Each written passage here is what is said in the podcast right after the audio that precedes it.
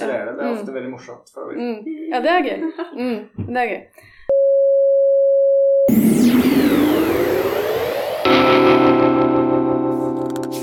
Kjære lyttere, kjære bokvenner, medborgere og hva skal vi si medmennesker. Velkommen til denne episoden av Bladpodden. Det er en spesialutgave, novellespesial. Vi har med oss Maria Kjos Fonn. Velkommen til deg. Takk. Du er forfatter og har gitt ut to bøker. 2014 novellesamling. Dette har jeg aldri fortalt til noen. 2018 Kinderhall roman. Mm. Ja, det var riktig. Det stemmer. Ja. Velkommen til deg, Roskva Koritsinski. Takk. Du er også forfatter Mm. og har gitt ut eh, novellesamling 2013 her inne et sted. Eh, 2015 roman 'Flammen og mørket' og 2017 novellesamling 'Jeg har ennå ikke sett verden'. Yes. Fint, da har vi det formelle på plass. Før vi begynner å snakke om noveller, må vi jo som vanlig snakke om hva vi leser for tiden. Så um, da, da pleier jeg å ta blyanten, så spinner jeg den, og den den peker på, må begynne. Mm. Det ble meg, men jeg syns det er litt frekt, så jeg gjør det en gang til. Det ble Maria. Det ble meg. Eh, akkurat, akkurat nå så leser jeg to bøker jeg har lest fra før. Eh, det ene er 'L'étranger' av Camus. Jeg har nettopp begynt på den, så jeg, jeg husker ikke så mye av forrige gang jeg leste den. Og så er det 'Trainspotting' av Irvin Welsh. Og den siste er jo en av yndlingsromanene mine. da. Eh, så den er fint å lese igjen. Jeg legger merke til at du sier tittelen på fransk. Jeg leser den på fransk nå. Eh, og det er jo det som er prosjektet, da. fordi jeg har jo lest den på norsk før. Eh, så driver jeg og prøver å lese den på fransk. Så, Ja, mm, jeg skal friske det litt opp. Jeg, skal, jeg må innrømme, jeg gjorde det samme. Prøvde å lese på fransk. Mm, Jeg, jeg datet en fransk dame. mm. Tenkte ok, prøver å lese den, men jeg kom ikke så langt. Nei, jeg, jeg må gjennomføre det her, da. Men uh, de har hørt at den er veldig Eller jeg, det virker sånn nå at den er enkel å lese på fransk hvis man, hvis man er litt sånn eh, middelmådig. Eh, at den anbefales, da. Sånn. Mm. Kult. Og for meg er jo Trainspotting en film, først og fremst. Det er jo det for de fleste, egentlig. Jeg, jeg har vel sett filmen, men det er boka jeg egentlig har i forhold til. da. Ja.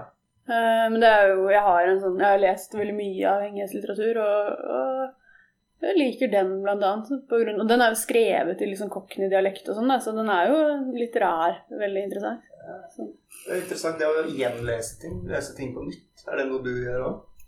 Uh, det gjør jeg veldig, veldig sjelden. Ja. For sjelden. Det hender altså Jeg tror Per Olof Enquist sin uh, 'Styrtet engel' Ja. Den har jeg lest en del ganger, men den er veldig overkommelig å lese på nytt. For den er også da på 89 sider, eller noe sånt. Og jeg ser vel at eh, de bøkene jeg leser om igjen, har en tendens til Det er gjerne de korte, Mm. korte bøkene. Altså jeg leser ikke ro- romaner på 500 sider to ganger. Nei, det er jeg nok litt for lat til. Men passasjer og liksom noen setninger og sånn kan jeg oppsøke igjen hvis de har Ja. festa seg. Og neste gang du leser uh, 'Styrtet engel', leser du den på svensk, da? Kanskje? Eh, Nedstyrtet engel. nei, vet du hva, den er jeg ganske sikker på at den har jeg bare lest på norsk. Ja. Ja, Det er ikke noe fransk eller svensk på meg. Jeg holder meg til norsk. Vel, vel, hva leser du for tiden? da? Ja, Idet jeg sa det, så merka jeg jo at jeg løy, for jeg leser faktisk en bok på svensk. Eh, Typisk typisk. forfatter å sitte og lyve. Ja. Eh, jeg leser egentlig tre forskjellige ting eh, akkurat nå. Det ene er en eh, firebinds biografi om den svenske nobelprisvinneren Harry Martinsson. Mm, han leser jo jeg akkurat nå. Han det? Aniara. Det, det er jo Ja, det er jo faktisk Svensk på svensk eller norsk? Eh, på norsk, for det var det jeg fant på biblioteket. da. Ja, ja. Men eh, jeg liker å lese på svensk. Ja, det er kult, fordi han er eh, ofte eh, når jeg liksom, Nå har jeg holdt på med denne biografien ganske lenge, for den er i fire bind. Og hvis jeg nevner det for folk, så er det veldig mange som ikke vet hvem han er. Til tross for at han har vunnet nobelprisen. Ja, ja. Eh, så jeg leser en biografi skrevet av Sonja Erfurt, heter hun vel, som kom ut i 1980. Rett etter at han døde. Fire bind er mye. Ja, eh, og den tar jo bare for seg de 40 første årene av livet hans. Wow. Eh, Men var det et veldig innholdsrikt liv, da? Eller? Veldig, veldig, veldig. Ja. han hadde jo Altså, han hadde et liv som på en måte var for å si det med en klisjé, skapt for litteraturen. Han vokste opp i arbeiderklassen i Sverige eh, med en voldelig alkoholisert far som døde da han var fem-seks år gammel, og senere, og han hadde fire eller fem søstre. Og var den yngste i barneflokken. Eh, og så gikk moren konkurs, hun drev en butikk. Dro til Amerika og forlot alle barna sine. De ble spredd rundt i Sverige på ulike fosterhjem. Så fra han var liksom 14 år gammel, så klarte han seg selv. Hmm. Så det er en veldig selvfølgelig veldig spennende livshistorie. Ja. Mm. Men en forfatter som eh, kanskje er, blir litt glemt altså det, Anjara er jo kanskje den boken han, som han sitter igjen med. Er det, er det litt sånn? Mm, det er nok litt sånn, altså han, eh, Det var veldig kontroversielt da han fikk Nobelprisen i 1974. Fordi, Fordi han han satt, nei, fordi han satt i akademien selv. Ah, Mm. Eh, og det var han og en til som fikk den sammen. En annen svenske som også satt i akademien. Nå husker jeg ikke hva han heter. Men det ble jo Altså, han var en hyllet forfatter fram til dette. Men pga. den litt sånn kontroversielle avgjørelsen, da, så, eh, så ble han nok utsatt for litt mobbing, rett og slett. Og hadde det nok ganske tøft de siste årene av livet sitt. Og tok livet av seg Ja. fire år senere. Dere har jo begge vært nominert til en del priser og sånn. Har dere selv sittet i de komiteene, eller? Jeg har nominert meg selv hver eneste gang. Nei da. Okay. Mm. Sluppet unna mobbingen, da. Slupp det nå. Mm. Nei, og så leste jeg um, uh, Inge Christensen, samlede dikt. Og jeg leste også nå! Christensen. Leste Og du leste jeg på dansk. Ja. Det skal Mm. Dere er Vi veldig synkroniserte. liksom synkroniserte. samme- Vi er synkroniserte. Ja. Og det neste jeg leser, tror jeg faktisk også det er ganske gode sjanser for at du enten har lest eller holder på å lese. Og det er Simone Weil, den franske filosofen ja, jeg har lest denne. Ja. Som også er helt fantastisk. Så jeg er i Det så jeg på deg, for øynene dine bare Ja. Pupillene ble ti ganger større når du sa det. Ja, jeg er veldig, veldig, veldig frelst, nærmest. Eh, alle må lese Simone Weil. Jeg skulle gjerne faktisk snakket en time om hva dere leser for tiden, for dette var egentlig veldig spennende. Men vi må videre. Men først må noen spørre hva jeg leser. Hva leser du? Jeg leser eh, Somerset Maugham, som er en eh, forfatter som bestefaren min Det var favoritten til bestefaren min. Så det er litt sånn eh, Hva kaller man det? Eh, nostalgisk? Nei. Hva kaller man det hvis man er glad i en gjenstand av du har gode minner? Affeksjon. Affeksjon. Det er en viss affeksjon, men han er en utrolig god novelleforfatter. Det passer litt til temaet i dag. Har- Kjenner dere til han? Maugham? Nei. Nei, faktisk ikke. Han er nok også en sånn som er på vei til å bli glemt. Han var veldig populær. Han skrev skuespill, masse romaner, solgte masse. Mm. er kanskje mest kjent for novellene. Og så skrev han spionnoveller som uh, Ian Fleming ble inspirert av og laget James Bond basert. Mm. Den Somerset Maugham var spion selv, den. så det var selvopplevd. Men det eh, passer bra å slutte med Somerset Maugham når vi snakker om hva vi leser, for nå skal vi snakke om noveller. Og første spørsmål på agendaen er hvorfor skrive noveller? Og det fins det helt sikkert mange forskjellige svar på. Vi kan prøve å komme inn på noen av de nå. Men jeg tror jeg bare eh, gir dere ordet et så åpent spørsmål. Hvorfor skriver dere Hvorfor har dere skrevet noveller? Uh, jeg begynte jo, eller jeg debuterte jo med en novellesamling, Uh, og det er mange som gjør det uh, fordi det, det er litt lettere å, å håndtere enn en roman i begynnelsen, men det var ikke derfor jeg gjorde det først og fremst. Eh, Jeg har alltid vært veldig interessert i sjangeren, lest mye noveller uh, osv. Og, så og det var eh, Jeg hadde Jeg var liksom Likte de der små, små historiene, da. Men jeg tenker, hvorfor skrive noveller er jo det er ikke noe annet svar på det enn hvorfor skrive romaner, kanskje, eller hvorfor skrive dikt, da. Det er jo at du vil fortelle og vil skrive. kanskje. Ja. Men um, lettere å håndtere en roman fordi det er kortere. Ja, for det er jo ikke nødvendigvis lettere. Det er en annen kunst. Det er mindre å holde styr på av gangen. Mm. Eh, men, men det er jo høyere krav til at det er konsentrert, at eh, det er poengtert. eh, altså sånn, sånn at det, det, er, det er nok litt feil at det er lettere, men, mm. eh, men det er eh, det, er mer eh, du kan, du kan dele det mer opp, da. Dele arbeidet mer opp. Men da du gjorde dette her, had, følte du at du hadde noe valg? liksom? At du kunne velge sjanger, eller? Jeg hadde ikke noe roman i meg da. Eh, Så det var ikke noe tvil. Det var noe veldig jeg skulle skrive. Eller jeg, jeg prøvde å skrive roman mange ganger, men jeg hadde ingenting. Eh, Og så skrev jeg én novelle som ble åpningsnovellen til eh, novellesamlingen min, og, og da, da kom det mange flere. Ok. Mm. Så, men du hadde ikke noen roman på den tiden. Betyr det at liksom, stoffet er litt annerledes, da? Ja. Varmestoffer og vannstoffet.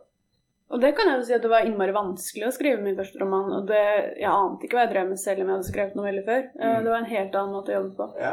Eh, Mye større linjer og ja. ikke sant, mye mer kaotisk, egentlig. Mm.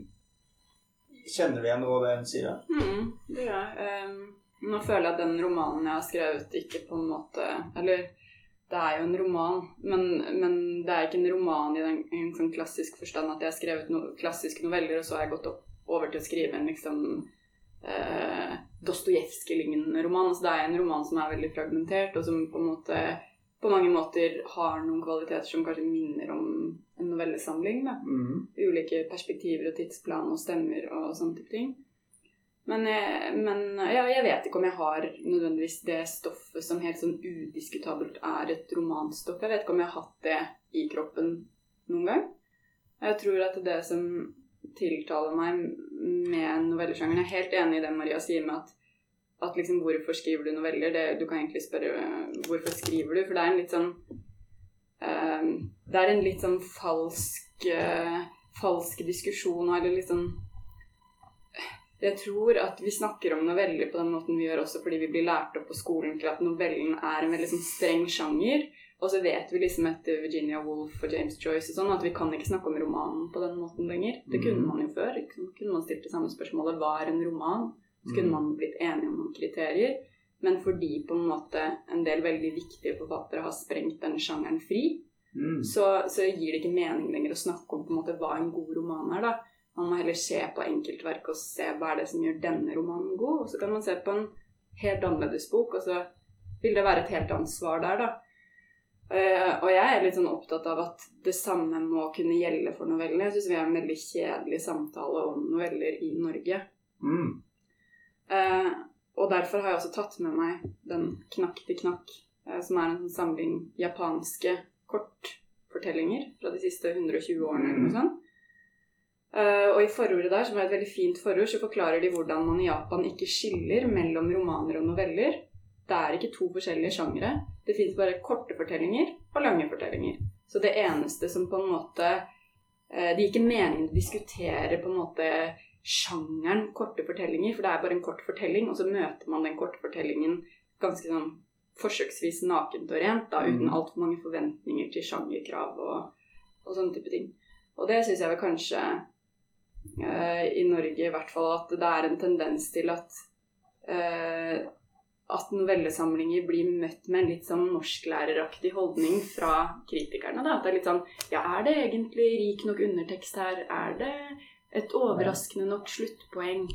Er det Nei, dette var overlesset, eller dette eh, foregikk over et langt tidsplan. Altså det er akkurat sånn mm, Jeg vet ikke om du kjenner deg igjen i det, men jeg har i hvert fall av og til følt litt at jeg er liksom på skolebenken igjen. Hvis jeg har lest Ja. jeg, Jeg vet vet ikke om jeg har eh, sett det i anmeldelsen, men jeg har ikke nødvendigvis sett så mange novelleanmeldelser. Jeg har ikke tenkt over det. Nei. Men Nei, jeg føler at det er en litt sånn eh, holdning som kommer til syne. da, At man har noen ganske sånn distinkte forventninger om hva en novelle skal være.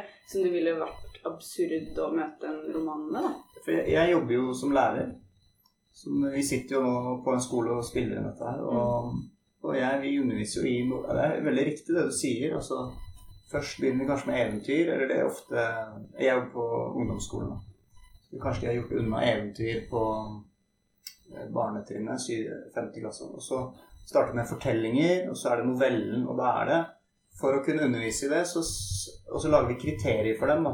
Hva er det de skal oppnå for å få høy måloppnåelse? Mm. Fem og seks. Da skal det være vendepunkt. Det skal variere mellom ulike skrivemåter. Kort tids... Altså det er jo alle de kriteriene, så jeg tror nok du har rett i det. At vi i skolen Men det er, det er jo veldig takknemlige ting, da. Mm, det er lett, selvfølgelig, Ja. Og... Så har du noen mønsternoveller som kanskje dere husker òg. For de brukes nok fortsatt. Eh, husker dere f.eks. 'Jeg står her og skal slå opp med ei jente'? Nei. Nei. Ok, da må jeg gå lenger tilbake i tid. Da må jeg gå lenger tilbake i tid. Karens jul. Ja da, den har vi lest. Eller jeg har lest. Jeg har ikke det. Nei. Karen, hun som jobber på en kro i, i Danmark. Nei, men nå lever jeg i en sånn norsklærerboble. jeg. Jeg tror, jeg tror alle hadde hørt om det. Jeg gikk på uh, Steinerskolen. Oh, okay, Så der er ting litt annerledes. Det er helt andre referanser. Samfunnet. Ok, men vi har i hvert fall en del sånne mønsternoveller i skolen da, som kanskje bidrar til um, å låse sjangeren litt. Mm. Ja, det vil jeg si. Mm. Og så har det selvfølgelig noen, som du sier, det har jo også noen fordeler. Det er jo ikke sånn at eh, at, eh, at det ikke gir mening å også lese veldig mange novellesamlinger som har blitt utgitt i lys av en sånn type tradisjon, da. Mm. Eh, men det kan også være begrensende. Og jeg tenker at det, det gjør kanskje også at man ikke helt ser kvaliteter i bøker som, som faller litt utenfor de der vante konvensjonene, da. Mm. Er det noen spesielle bøker du tenker på da? Eller? Nei, jeg bare synser litt sånn Ja, ja, ja. uforpliktende. Ja. Men eh, ok, det er typisk Jeg lager ofte spørsmål som folk ikke liker. Hvorfor skrive noveller? Den, den godtar dere ikke helt. Men nå har jeg et nytt spørsmål til dere. Mm. Hvorfor lese noveller? Den kan dere være med på. Eller blir svaret 'hvorfor lese' i det hele tatt da? Det, det kan jo være Hvorfor lese noveller framfor en annen sjanger? Um, det er jo en annen eh, leseprosess som, som går mer i intervaller, da. Enn du skal være veldig fokusert, eh, konsentrert i det du leser i novellen. Hvis du, Mm. le, hvis du, hvis du leser fort gjennom en novelle, skumleser litt, så kan du så kan du komme til slutten, og så, vet, så skjønner Ja. du ikke hva, hva er dette. Eh, så du må være ganske skjerpa. Så, så er det litt beslekta med å lese et dikt. Eh, Mm. så får du jo Du får jo eh, hvis du, hvis du ikke har lyst til å lese en hel roman, så er jo det også beleilig. ikke sant? Du, kan, du, du får, eh, får det oppdelt. Eh, og så er det jo en veldig rik og interessant sjanger, da. Eh, og du kommer jo du kan, Når du leser en novellesamling, så kommer du jo du kommer inn i mange verdener, men du kommer gjerne inn i en verden som, hvor det er en koherens mellom novellene. altså ikke sant? Det er, en bok, da. Mm. Eh, sånn at det, det er jo ikke nødvendigvis sånn at du, du begynner på nytt på hver novelle. Eh, så um, jeg tenker det er mange gode grunner til å lese noveller. Eh, og så har jeg tenkt fordi romaner er veldig mye mer populært. Eh, altså, det snakkes mer om romaner, og folk er mer interessert i å lese det. Og så er det tenkt sånn, men burde ikke novellen være veldig sånn passende for det liksom moderne, liksom flyktige Mhm. sinnelag og jeg leser en novelle og ikke forplikte seg for mye og sånn, men uh, folk liker de lange strekkene, da. De gjør jo det. Der har jeg en teori, og det er at fordi Hva er det egentlig som er tiltrekkende nå? Eh, det er jo flukt på et eller annet vis. Altså, det er jo ikke det at folk egentlig har dårlig tid. Folk ser jo TV-serie etter TV-serie. Det er eskapisme, da. Og novellen tilbyr ikke en sånn samme form for flukt som f.eks. en veldig tjukk roman eller en TV-serie gjør. Nettopp litt på Mm. grunn av det du sier med at det er en konsentrasjon og en skjerpethet som ikke nødvendigvis gjør at du forsvinner i teksten på den samme måten som du gjør i et romanunivers, Ja. eller liksom klassisk romanunivers. da. Jeg støtter denne teorien her, altså. Ja, jeg tror det er noe der. Øh, Og noveller også føler jeg at ja, jeg er helt enig i at de er liksom kan være beslektet med poesien, altså måten man leser dem på. liksom Konsentrasjonen man går inn i verket med. Eh, og så syns jeg også Jeg leste eh, som foredrag som Cortazar hadde holdt på 80-tallet en gang, hvor han snakka om novellesjangeren, fordi han har skrevet veldig mange noveller i løpet av forfatterskapet sitt. Uh, og hvor han sammenligner novellen med et fotografi. Og det syns jeg også er en veldig god sammenligning. Fordi der romanen i større grad, eller i hvert fall veldig mange romaner, da, i større grad på en måte bygger et helt univers, så er uh, novellen på samme måten som fotografiet mer et utsnitt. Og på samme måte som et veldig godt foto, så vil bildet på en måte peke utover noe større enn seg selv. Det er ikke sånn 'Å ja, men dette var et fint bilde av et ansikt', men det vil være, ikke sant Det vil romme noen følelser og konnotasjoner og kanskje litt sånn eh, Skape en del assosiasjoner til den virkeligheten som befinner seg utenfor bildet, da. Mm. Og på samme måten så kan man kanskje si at novellen har en eller annen åpenhet ved seg som i hvert fall mange romaner ikke har. På den måten at det vises fram noe i et lite liksom blaff, Ja. og så trekkes det tilbake igjen. Uh, og det er mer, kanskje mer det at du som leser møter deg selv og dine egne assosiasjoner, mer enn at du forsvinner inn i noen andres. da. Mm. Men når dere skal inn i et novelleunivers, dette med å vise litt, men så er, ligger det en hel del bak der. Hvor godt må dere f.eks. kjenne en novellekarakter da, sammenlignet med en romankarakter? Er det noe eh, forskjell der? Altså, det blir jo et annet karakterbilde, så det må være mer eh, det må være mer poengtert. Altså, du, du blir aldri like kjent med en novellekarakter Nei. som i en lang roman med en stor utvikling, ikke sant? Men, men du kan likevel, likevel komme ganske tett på hvis det er eh, Ja, det bildet, da. Det er et godt utsnitt, på en måte.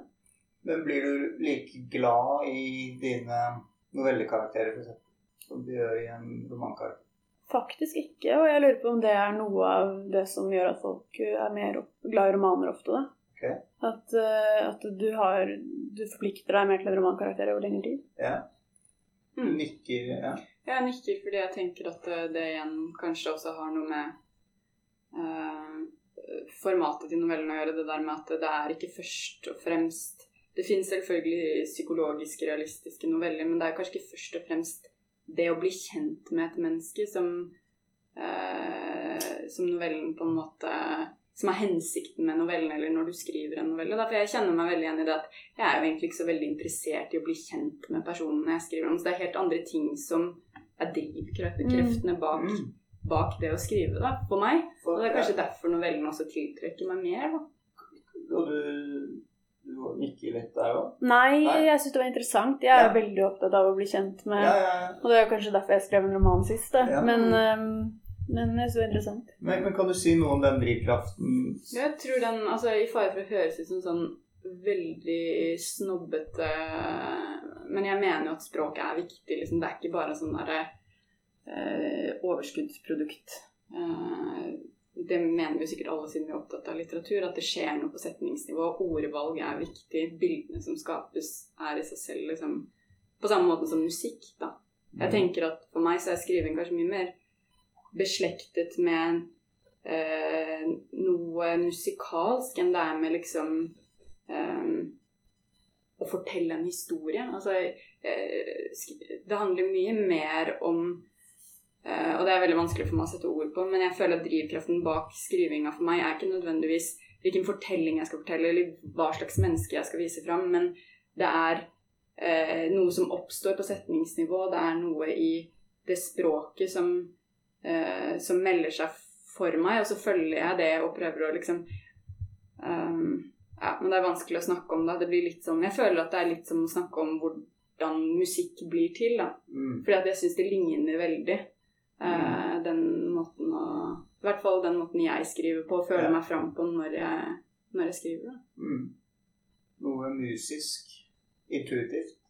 Ja, og selvfølgelig det fins ideer der også, og det fins jo eh, Det fins eh, Kan finnes ideer til historie eller til tematikk som jeg har lyst til å, å gå inn i, men, men det magiske i skriveprosessen er jo på en måte det at det rommet fylles med noe man ikke på forhånd visste at det kom til å bli fylt med. Og det skjer jo på setningsnivå. Ja. Så drivkraft for deg er ikke så mye å bli kjent med, som du er inne på, men mer å utforske noe Det er å bli kjent med, men det er kanskje mer å bli kjent med noe Noe i hvert fall jeg innbiller meg at det er allmennmenneskelig, eller som er på en måte hevet over, eller eventuelt ligger under det personlige, da. Mm. Så man kan si det sånn. Altså, jeg er ikke jeg, er veld, jeg har ikke veldig mye fantasi, eksempel, så det er ikke sånn at jeg eh, går rundt og forestiller meg å, det er en person, og han lever sånn, og dette er jobben hans, og sånn er han. Altså, det er aldri sånn jeg jobber fram en tekst. Men det går jo kanskje mer på liksom Selvfølgelig det er et erkjennelsesarbeid, men det er et erkjennelsesarbeid som ikke er så veldig for min del knytta til ideer om personer og personligheter. Da. mm. Eh, så sånn sett kanskje Ja. Nei, ja, nå har jeg rota meg bort. Ja, men jeg har faktisk helt motsatt erfaring. Det var nok eh, I novellesamlingen så var nok karakterene veldig mye av drivkraften, da. Men det er for, den handler jo om kvinner som er personlighetsforstyrrede, eller ikke da at jeg skal diagnostisere dem, men som gjør mye rart, da, og at den er veldig handlingsdrevet, og at det var liksom de sinnene som, som drev handlingen framover, da. Mm. Så, og du blir jo ikke like godt kjent med grunnen til at noen er kleptoman eller voldelig eller hva som helst i, i de novellene som det ville blitt i en roman, da. Men, eh, men det var faktisk karakterene jeg drev og hang meg opp i og tenkte Ja. på. Mm. Var det vanskelig å holde dem fra hverandre? Var det viktig for deg at de skulle være veldig unike, forskjellige i hver tekst? Det, jeg følte at de ble ganske forskjellige. At, eh, at det, de hadde en egenart. Men det som, det som merker er et stort problem når man skriver noveller, er at du får så overforbruk av navn. At til slutt aner du ikke hva, hva karakteren din skal hete, for du føler du har brukt opp alle navnene i hele verden. da. For det er, så, det er så mange karakterer. Det er, det, er sikkert, det er sikkert bare fordi jeg er fantasiløs. Men jeg, når jeg sitter og skriver på en ny roman nå, så bruker jeg navn som jeg har brukt i novellesamling og brukt i romanen som du Ja. kan tenke meg om og sånn. Så Men eh, kan vi bare snakke kort om navn? For det er Mm. liksom to skoler i navn. Det ene er vanlige navn, som skal gå litt under radaren, og mens andre er liksom rare navn, symbolske navn. Eh, hvor står dere der? Jeg tror dere er litt på at det skal være Navnet skal ikke si så mye. Har jeg rett i det? Jeg bruker veldig sjelden navn. Eller sånn Mm. Det er nesten ingen navn. I hvert fall ikke den siste boka. Den første tror jeg det er en del navn.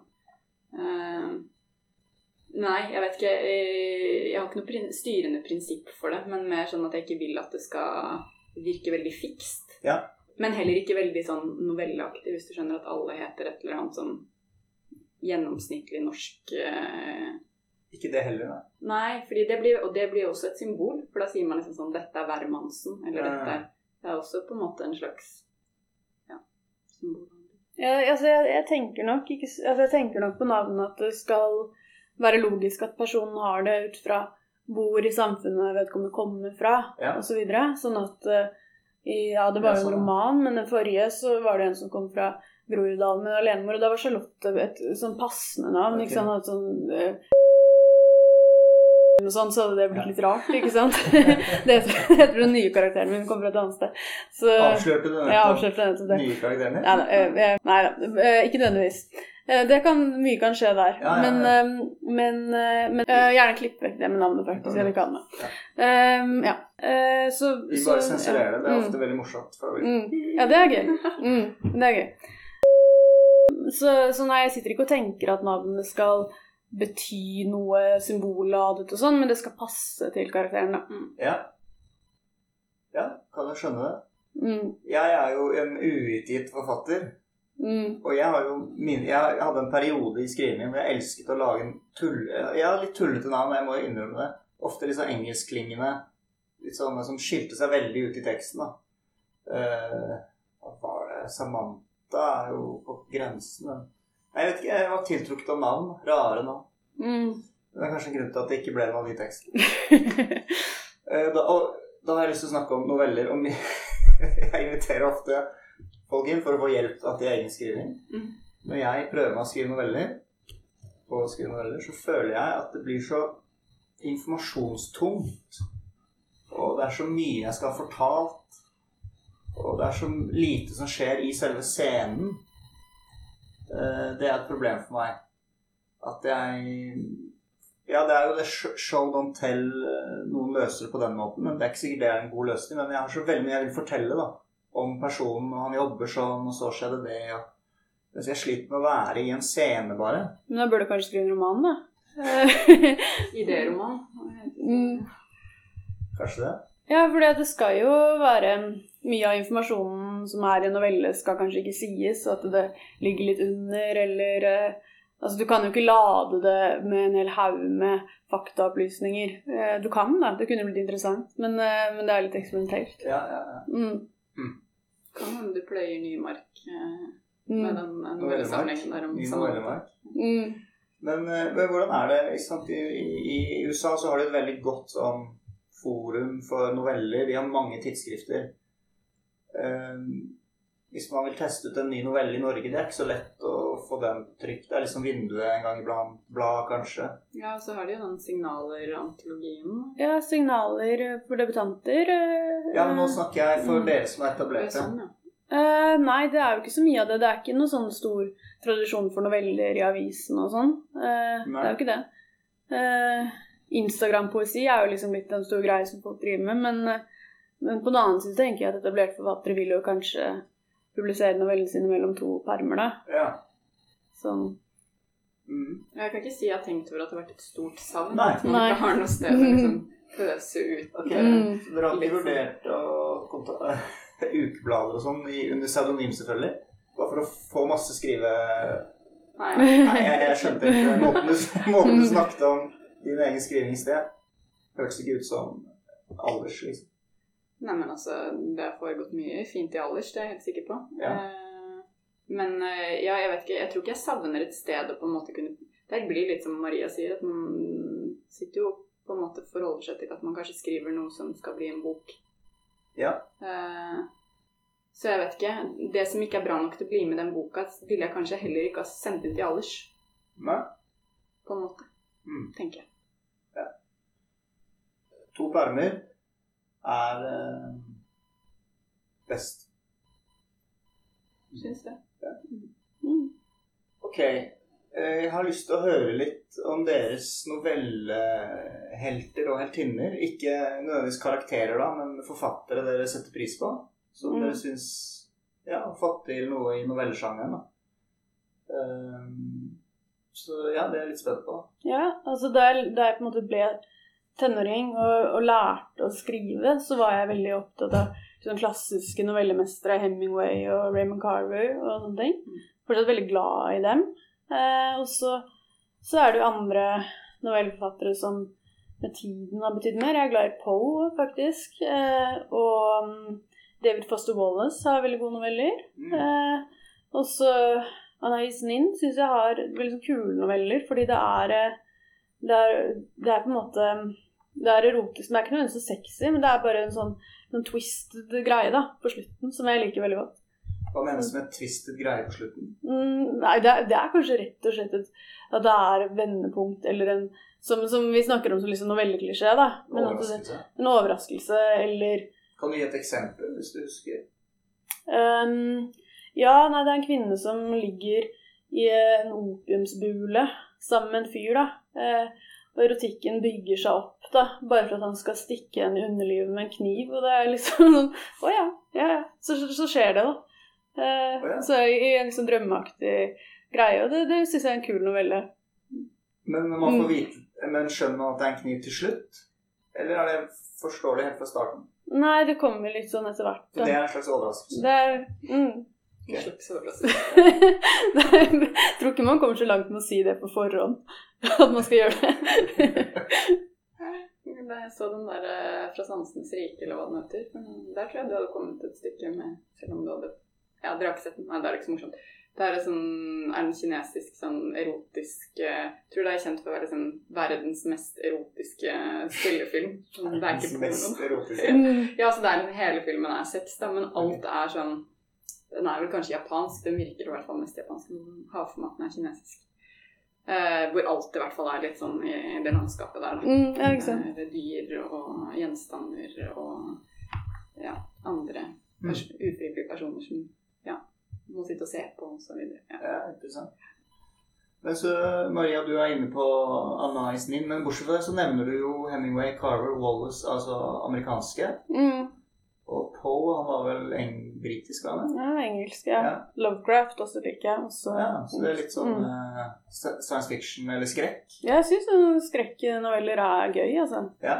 Uh, Poe er jo mye bedre enn Lovecraft, sånn litterært. Men begge har Altså, det er jo på en måte både sånn psykologisk angst og uh, horror samtidig, ikke sant. Så Ja. Så jeg syns det er kult. Mm. Um, hva med deg, Oskar? Nei, jeg må jo bare føye meg etter mye av det Maria sier. Jeg har ikke lest alle hun nevner, men både Poe og Carver eh, og Hemingway var liksom veldig viktige da jeg liksom begynte å skrive for alvor. Og også novellene til Kafka. Eh, Ja, det er det.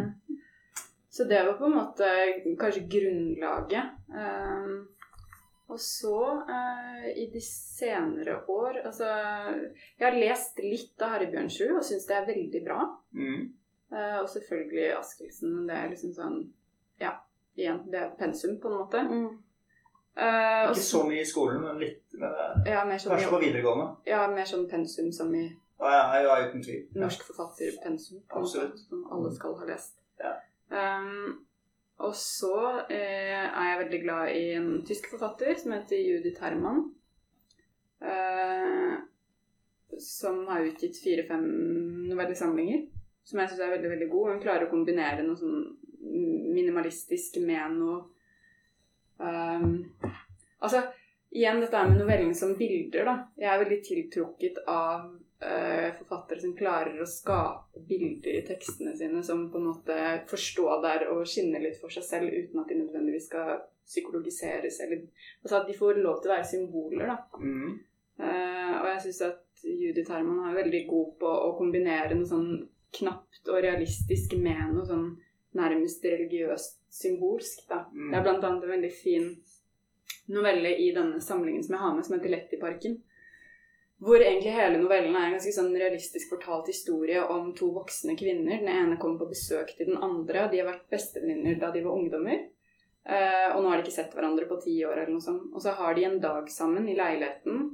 Eh, en ganske sånn vanlig dag eh, hvor fortelleren kanskje er litt sånn tilsidesatt fordi venninna nå har fått seg en familie og en mann. og Eh, og så mot slutten av dagen så blir hun med denne venninna i teatret, for venninna er skuespiller og spiller da Harry i Solaris i en teateroppsetning.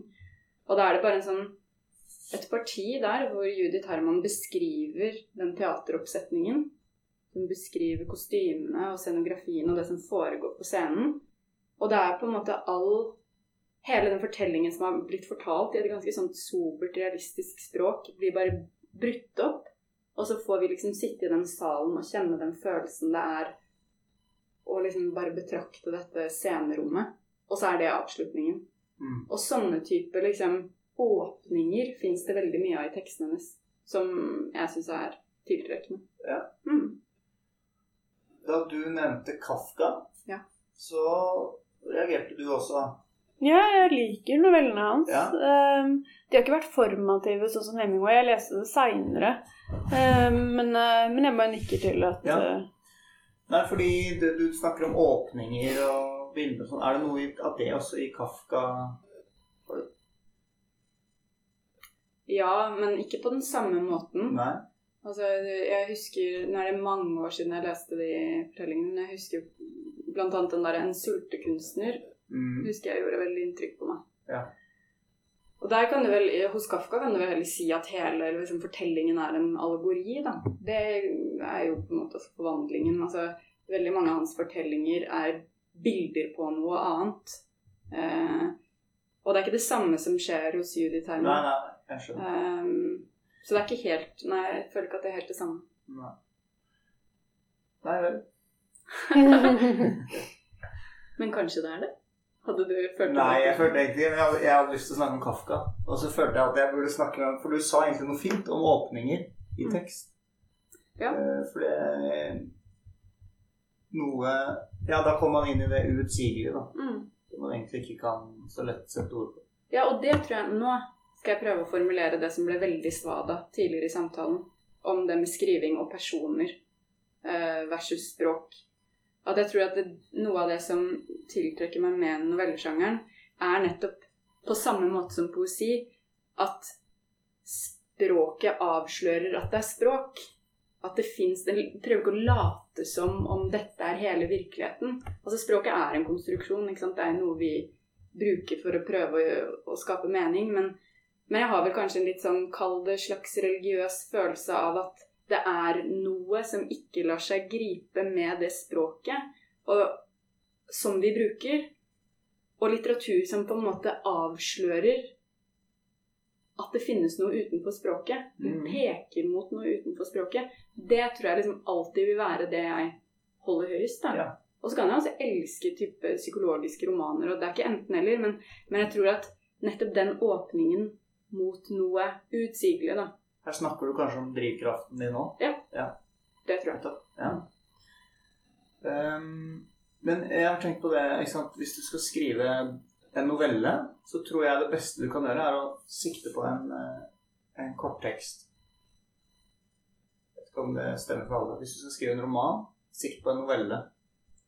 Mitt inntrykk er at mange I hvert fall var det sånn da jeg gikk i Tromsø da, i sitt, på forfatterstudiet der. At folk liksom når vi, skulle, vi hadde en novelleoppgave. Da fikk vi, vi skulle velge et fotografi, apropos bilder, og så skulle vi begynne å skrive derfra. veldig mange av tekstene ble så store, da. De rommet liksom mer enn det man kanskje kunne få til i en novelle. Og da vi skulle skrive dikt, så var det mange som altså, de ble overlesset av eh, Nå ser begge veldig skeptiske ut. Dette kjenner ikke dere igjen, tror jeg. Ikke Nei. helt uh... Jeg vet ikke. Uh... Nei. Hva tenker du? Nei, nei, jeg vet ikke om jeg skjønte helt Nei, Det er man har en tendens til å ja, men Det blir litt feil, fordi dere har ikke sagt 'nå skal jeg skrive noveller'. Dere har satt dere ned for å skrive, og så har det blitt noveller. Mm. Sant? mm. Jeg tror det er hele forskjellen. Men jeg du tror kan når jo mange like setter seg ned og sier 'nå skal jeg med den holdningen, da, 'nå skal jeg skrive novelle', så tror jeg ofte det blir for stort. Ja, men du kan eh, Men jeg tenker Det er noen ideer jeg har som er novelleideer. Altså, Ja. Som ikke er roman. Det, det, det er ikke en roman. Ja. Det er en novelle. Kan du gi et eksempel på en sånn type idé? nei, men nå Jeg jeg har jo slutta å begynne å røpe alt jeg skal skrive. Ja, men Ta tar noe du har kastet, eller, eller la, gjør om på det, eller Nei, eh, jeg vet ikke om jeg kastet så mye. Jo, men jeg, ok, jeg skal komme, komme for det var en litt sånn tullete idé, da. Ja. Jeg hadde en sånn idé om en novelle om en fyr som er på sånn yoga for rusavhengige, og så ligger han våken hele natten fordi det er en ha han, er, han er rehabilitert fra fengsel, så ligger han våken hele natten fordi det er en hane som galer, for den er døgnvill, Ja. og så går han og slakter hanen om natta. det, Det er det, det er ikke romanstoff. Her kommer det et, et, bli et fint religiøst bilde. Slakte hanen. Ja, ikke sant? Der ser du. Mm. Eh, hva heter denne karakteren? Nei, han er ikke så utvikla. Okay. Det var bare hane-idé. Ja, ja, ja. Mm. Så det er en idé. Ja, jeg skjønner. Det er kanskje ikke en roman. Nei, eh, han er på fjellet på sånn yoga retreat for rusavhengige. Det er derfor det er hane. Hmm. Men uh, vi får se. Ja, ja, ja. Ok, men uh, takk for gode lesetips, da. Forresten, gode forfattere. Uh, Hemingway, Raymond Carver, Poe, Judith Terman. Eh, Flør Jaggi kan vi anbefale. Jaggi. Flør Jaggi. Hun er veldig underkjent, er det et ord? Ja. ja. Hun burde flere lese. Er hun fransk? Flør? Nei, hun er eh, fra Østerrike, men okay. skriver på italiensk. Eh, men hun har eh, eh, Hun skriver både romaner og noveller. Mm. Veldig fin forfatter. Vi er kommet nå til punktet hvor vi skal prøve å fortelle en novelle til hverandre. Vi har gjort det litt allerede. Og vi skal nå tilbake til leirbålet. Vi skal late som vi er jegere og sankere. Altså i, i steinalderen, rett og slett. Og man sitter da rundt leirbålet og forteller. um, kanskje jeg skulle få på et lite bål på iPaden min. Nei, den har gått ut av batteri. Da får vi bare late som. Eh, har du lyst til å begynne, Maria? Eh, en liten novelle til oss? ja, jeg kan begynne. Jeg Eh, må si først, Dette er litt for å teste ut den muntlige fortellertradisjonen. Fordi novellene er vel sannsynligvis da Ikke alle noveller, selvfølgelig. Nå snakker jeg veldig skjørt. Men kanskje litt nærmere den muntlige tradisjonen. ok, eh, jeg skal prøve. Det er yndlingsnovellen min, faktisk. Av Hemingway. Den heter A Clean, Well-Lighted Place. Og Det er da to um, bartendere som jobber på en kafé. Så sitter de med en døv mann som ber om mer å drikke. Uh, og de snakker over hodet hans fordi han er døv, at han nettopp prøvde å henge seg osv. Og, og, og raljerer med han. Så vil den yngste bartenderen hjem. Han vil hjem til kona, han vil sove. Den andre vil absolutt ikke hjem. Og han vil være på en kafé. Uh, en hyggelig, en uh, clean, well-lighted place, ikke på en brun pub. Og det er han desperat på. og Han går rundt i løpet av natta og er helt, helt besatt av å finne dette rolige, opplyste stedet. Og til slutt så, så tusler han hjem da, og så prøver han å berolige seg selv. Og så slutter han med After all, it was probably only insomnia. Many must have it. Ja. uh, ja. Jeg falt faktisk litt av underveis. Ja, du falt av. Jeg Ja. var ikke så god på den muntlige fortellertradisjonen. Kanskje den, kanskje den er bedre skriftlig. Kan det være. Det kan jo godt hende Hemingway er bedre Ja. til å skrive novellen enn jeg er til å gjenfortelle på et minutt. Ja. Det, eh, ja. Det kan også være at hun nå på en måte faktisk Dette var et bevis på at hypotesen din var gal. Jeg sitter og tenker det. Ja. Novellen egentlig ikke er sånn. Er, eh, Jeg, jeg, jeg, jeg, I det jeg sa det, så skjønte jeg det er feil. Det jeg sa. Jeg det Men fordi den novellen der er ikke så mye handling, ikke sant? Nei. Så det er mer antydning av en stemning og en ensomhet, kanskje. eller et eller annet sånt. Så, ja. Mm. Hvorfor er det din favorittnovelle? Jeg syns det er veldig, mm, for å bruke et norsk ord, relatable. Jeg hadde mange år hvor jeg bare surret rundt i byen. For jeg, jeg hadde sånn lakenskrekk, da. Ville ikke hjem og legge meg. Syntes det var forferdelig. Eh, nå, nå går jeg og legger meg, da. Jeg er jo snart 30. Men, men, eh, men nei, jeg bare jeg liker den derre desperasjonen, da. Etter å bare At ting roer seg, at man kommer hjem og er alene. På en måte. Mm. Ja, jeg brukte jo opp idé... Altså, jeg har jo allerede fortalt den novellen jeg skulle fortelle, som var om denne dama som besøker en ungdomsvenninne, og så som senere går i teatret og Ja. ser henne spille Harry Ja, ja. Og så sitter jeg her og prøver å finne en annen novelle jeg kan gjenfortelle, og jeg husker ingen andre noveller. Ingen. Jeg husker sånn cirka Ja. hva Men det jeg tror det også har sammenheng med at jeg syns ofte at det skjer mye og er mye informasjon i veldig mange av novellene jeg husker. Altså det, er, det er ikke så Nei. Askelsen kanskje skjer det ikke så mye. Altså Man befinner seg i en leilighet, man går Det kan jeg gjøre. Jeg kan gjenfortelle en Askelsen-novelle. Okay. Man eh, befinner seg i en leilighet. Kona snakker til ham. Eh, han svarer ikke, men han har en indre eh, rant mot henne gående i hodet sitt. Mannen går ned, går nedover eh, gata, setter seg på en pub, drikker en øl, møter en gammel uvenn som også kjøper seg en øl. De blir venner. Novelle slutt. Dette er ikke en Askelsen-novelle, men det er et eller annet her Ja. som jeg tror tror noe av dette Ja. eh, er fra en Ja, Askelsen-novelle. jeg tror ikke de blir venner. Jeg tror de, de Altså, begynner å Jeg krangle. tror Hvis vi hadde holdt på sånn rundt bålet i Jegers sjankertid, så hadde blitt utstøtt av, av klanen. Som, vi hadde ikke fått rollen som forteller. Hva har skjedd med, med novelletradisjonen? Skulle jo sta... Ja, nei, jeg motbeviser jo litt det jeg sa. Det er jo en skriftlig Selvfølgelig. En skriftlig form.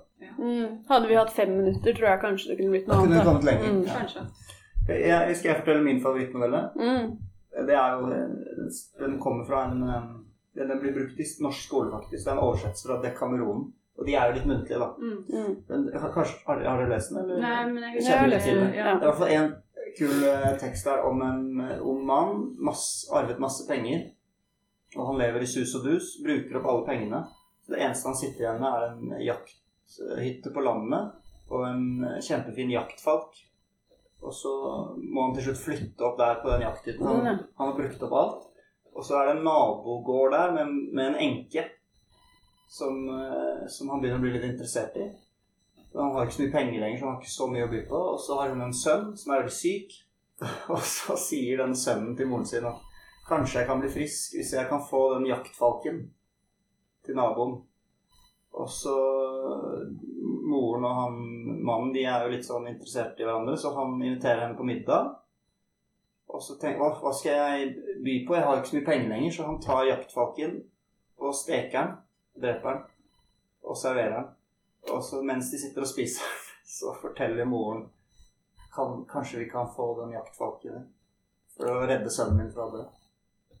Uh, ja. Så det Det er jo en novelle som egner seg for å fortelle. Da, for det det, er ekstremt godt for å fortelle. Bortsett fra at jeg merket faktisk at jeg falt ut nå. Gjorde det? Hvordan skulle jaktfolken redde livet til sønnen? Hva var det? Nei, det er det eneste som er helt ul... Men det er jo fra 1300-tallet. ikke sant? Da Ja. kunne man Da kanskje kunne det burde, jeg faktisk, redde livet. det burde jeg sagt. Jeg måtte fått fram hvor viktig det var for den falken å få den falken. Ja. For at de trodde på det, eller at det på den tiden så det overtro. Ja, det må jo ha vært en form for overtro. Okay. Mm. Så jeg- du støter meg ut fra klanen. Ut i kulden, alle sammen. Men da er vi der alle tre. Da er vi tilbake der vi var. Det er bra. Um, jeg tror vi skal begynne å runde av etter hvert, men jeg har lyst til å, å spørre dere hvis dere snakket, Du var inne på det samtalen om noveller i norsk offentlighet kan bli litt sånn låst. Um, hva er Altså Og noveller, er det riktig at de selger litt mindre enn romaner i gjennomsnitt også? Ja, det vil jeg mene at stemmer. Gjør det ikke det? Jeg aner ikke. Ja, jo, det gjør det. Ja, det har jeg Ja. hørt i hvert fall. Jeg har også hørt det. Mm. Men er dette noe man kan, Er det noe her med novellens plass man har lyst til å endre, eller går det an å endre det? Eh, eller er det bare sånn det er? Så det Jeg vet ikke. Nå har jeg snakket med mat i munnen. ja, men eh, Ja.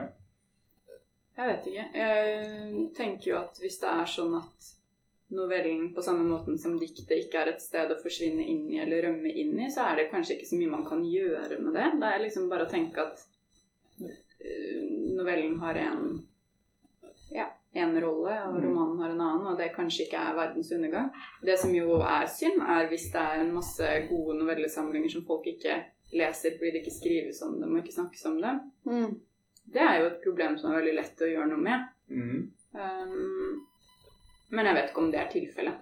Nei, altså noveller blir jo nominert til priser, får priser, Ja. Nordisk råds nominerte til novellesamling til Brageprisen Ja. osv. Jonas Eika, Nordisk råd og Mari Andreassen. Andreassen. Ja, ikke sant? Eh, Som er debutant. Oskar Og du ble nominert, ikke minst. Mm. Uh, Sånn at uh, det, det er jo ikke helt en perifer sjanger i det hele tatt. Nei. Uh, Nei, og det har skjedd noe Jeg opplever i hvert fall at det skjedde noe etter at Alice Munro fikk Nobelprisen for sitt forfatterskap, og hun skriver noveller. At det har blitt litt mindre ser litt, Man ser litt mindre på sjangeren som noe liksom veldig obskurt, da. Mm. Det, er en større samtale om. Ja. Om novellesjangeren. Mm. Ok, da har jeg lyst til å invitere dere til å lese litt fra deres eh, bøker. Eh, ja. Så kanskje vi skal starte med deg, Maria. Ja. Uh, dette var den første novellen jeg skrev som det ble noe av. Som er også den første novellen i uh, debutboka mi. Den heter Edel. Dette har jeg aldri fortalt til noen, og det tror jeg ikke Edel har heller. Det er mye jeg ikke har fortalt til noen. Jeg har prøvd ganske lenge å være ingen, og det må jeg si gikk etter planen. Edel trodde det var ufarlig å gjøre meg til hennes ingenting noen timer om dagen. Mellom de nesten vintede plankene i låven var vi jenter uten fortid, uten navn. Hva skulle hun med navnet sitt uansett? Edel var det siste hun var. Kanskje det var det som gjorde at hun ville ligge helt tom på et høyloft sammen med meg, og ikke kjenne noen ting, unntatt den kvalmende, dirrende hete. Pupillene dine er som to rumpehull, sa hun, helt tomme og svarte. Bli med meg til Oslo, sa jeg. Jeg har alt jeg trenger her, jeg, sa Edel. Hun tegnet et spindelvev med fingrene på kroppen min. Du blir med hvis du elsker meg. Jeg tror ikke på kjærlighet. Ikke jeg heller, sa jeg. Det er derfor vi elsker hverandre. Det var noen løse planker i låveveggen. De ble til en stor strekk ut mot åkeren. I solnedgangen så det nesten ut som om kornet brant. Jeg sa det til Edel. Hun sa jeg var patetisk når jeg prøvde å være poetisk. Edel var kanskje hvit som liljekonvall, eller hva den nå sier. Men målet hennes var å gjøre hele kroppen svart, av blåmerker og tatoveringer. Det innerste var godt skjult, og jeg hadde skjult det, hadde sett det. Vi drakk lunken øl, og jeg leste høyt fra Marilyn Hack-boka jeg hadde stjålet på biblioteket. Although I'd cream my jeans touching your breast. Sweetheart, it isn't lust, it's all the rest of what I want with you that scares me shitless. Slutt å skravle, sa Edel. Gjør det i stedet. Jeg skjønte at det var lettere for henne. Å være dama til Fransen når det passet ham, og dama mi når det passet henne. Hun hadde på en måte valgt ham selv. Det hadde ikke jeg gjort. Jeg valgte ingenting. Hun trodde hun kunne slepe meg rundt som et sølete halmstrå under Doc Martens-bootsene hun alltid gikk med. Og det kunne hun nok, tenkte jeg, men bare så lenge jeg var i denne bygda. Andre ganger tenkte jeg, og da fikk jeg ikke sove, at bygda var i meg. Det var verst når jeg prøvde å sove. Takk. Eh, ja, jeg tenkte jeg skulle lese et utdrag fra uh, den siste novellen i den siste novellesamlinga mi. Uh, den heter 'Historien om hendene', og den er en novelle som på en måte prøver å fange inn Ja. et helt liv. Går over et langt tidsrom. Ja. Den har- jeg husker den. Ja, eh, så jeg skal Det er egentlig da en datter som prøver å kanskje se faren sin, da. Og også forestille seg hvem han har vært før hun ble født. Kan jeg stille ban skikkelig banalt spørsmål før du begynner? når du skrev den novellen, var det, gikk det liksom en fane i deg og tenkte nå skal jeg bryte det der kravet om kort tidsrom? Nei, det var, ikke, det var ikke på en måte Det var ikke ment som en provokasjon. Eh, men det var en tekst som jeg kanskje først trodde skulle være en roman. Okay. Og så syns jeg den, apropos det du snakket om med for lang og for kort, altså jeg syns det var et eller annet med energien i teksten som gikk tap- tapt da, da den ble liksom lengre og lengre. Og så begynte jeg å kutte ned, og da syns jeg det funka. Du. Eh, Så det var egentlig en lengre tekst som jeg liksom har skåret litt inn til beinet på. Ja. Det er om våren. Du er 17 år. Du ligger på magen i gresset. Foran slottet patruljerer gardistene. Du tar et drag av sigaretten og blåser foraktfullt mot de pinnerette ungguttene. Du kjenner en dyp misnøye ved alt som heter systemer, rutine, alt som heter vane og orden. Du har forsøkt å skrive om det i en skoleoppgave, men det ble så banalt. Et slapt angrep på hverdagsmenneskene, på konformiteten. Språket ligger bestandig så langt unna følelsene dine, så langt unna alt du innbiller deg at du egentlig forstår. Du hadde villet skrive om hvordan du som barn, etter å ha ryddet rommet ditt, kjente deg lykkelig. Det lå en lovnad om forandring i synet av dette rommet som plutselig var et annet. Liksom du allerede hadde beveget deg videre mot noe nytt. Men allerede etter noen dager slepte alt seg tilbake mot sitt utgangspunkt. Bøkene veltet ut av bokhyllen, lekene lå strødd utover gulvet. I vinduskarmen sto glass og kopper, bunnfall. Du ville skrive om hvordan det hadde vært da du fremdeles spilte fotball, den sviende følelsen i lårene etter at du hadde løpt oppover bakken i byen tidlig om morgenen. Hvordan kroppen din var stram og tynn i speilet. Tilfredsstillelsen i det, men likevel en fornemmelse av hvor lett alt sammen kunne glippe. Musklene glippe, leddene stivne, kjøttet blir løst. Du måtte fortsette å løpe, oppover bakker, trapper, i sirkler utenfor kombihallen, men hvorfor løp du? Hvorfor spiste du når du igjen skulle bli sulten? Hvorfor vaske deg når du ikke for alltid kunne være ren? Du ville skrive om hvordan du av og til så for deg å lukke deg inne på et rom. Slutte å rydde, slutte å klippe håret, slutte å bevege deg. Du ville beskrive den murrende følelsen av at forandring paradoksalt nok bare kunne inntreffe sånn ved å slutte å handle. Haugen av rot som fortsatte å vokse, kroppen som ble dekket i mugg, stadig nye bakterier som blomstret opp. Det var utvikling. Det var forandring. Du formulerte setningene i hodet og ble bedrøvet. Det fantes ikke der, det du følte. Det var som at du ville bare si at du ville forandre deg. Du ville bli en annen hver eneste dag. Du ville våkne opp til en annerledes verden. Du ville at livet skulle være noe som ustanselig vokste og skiftet form.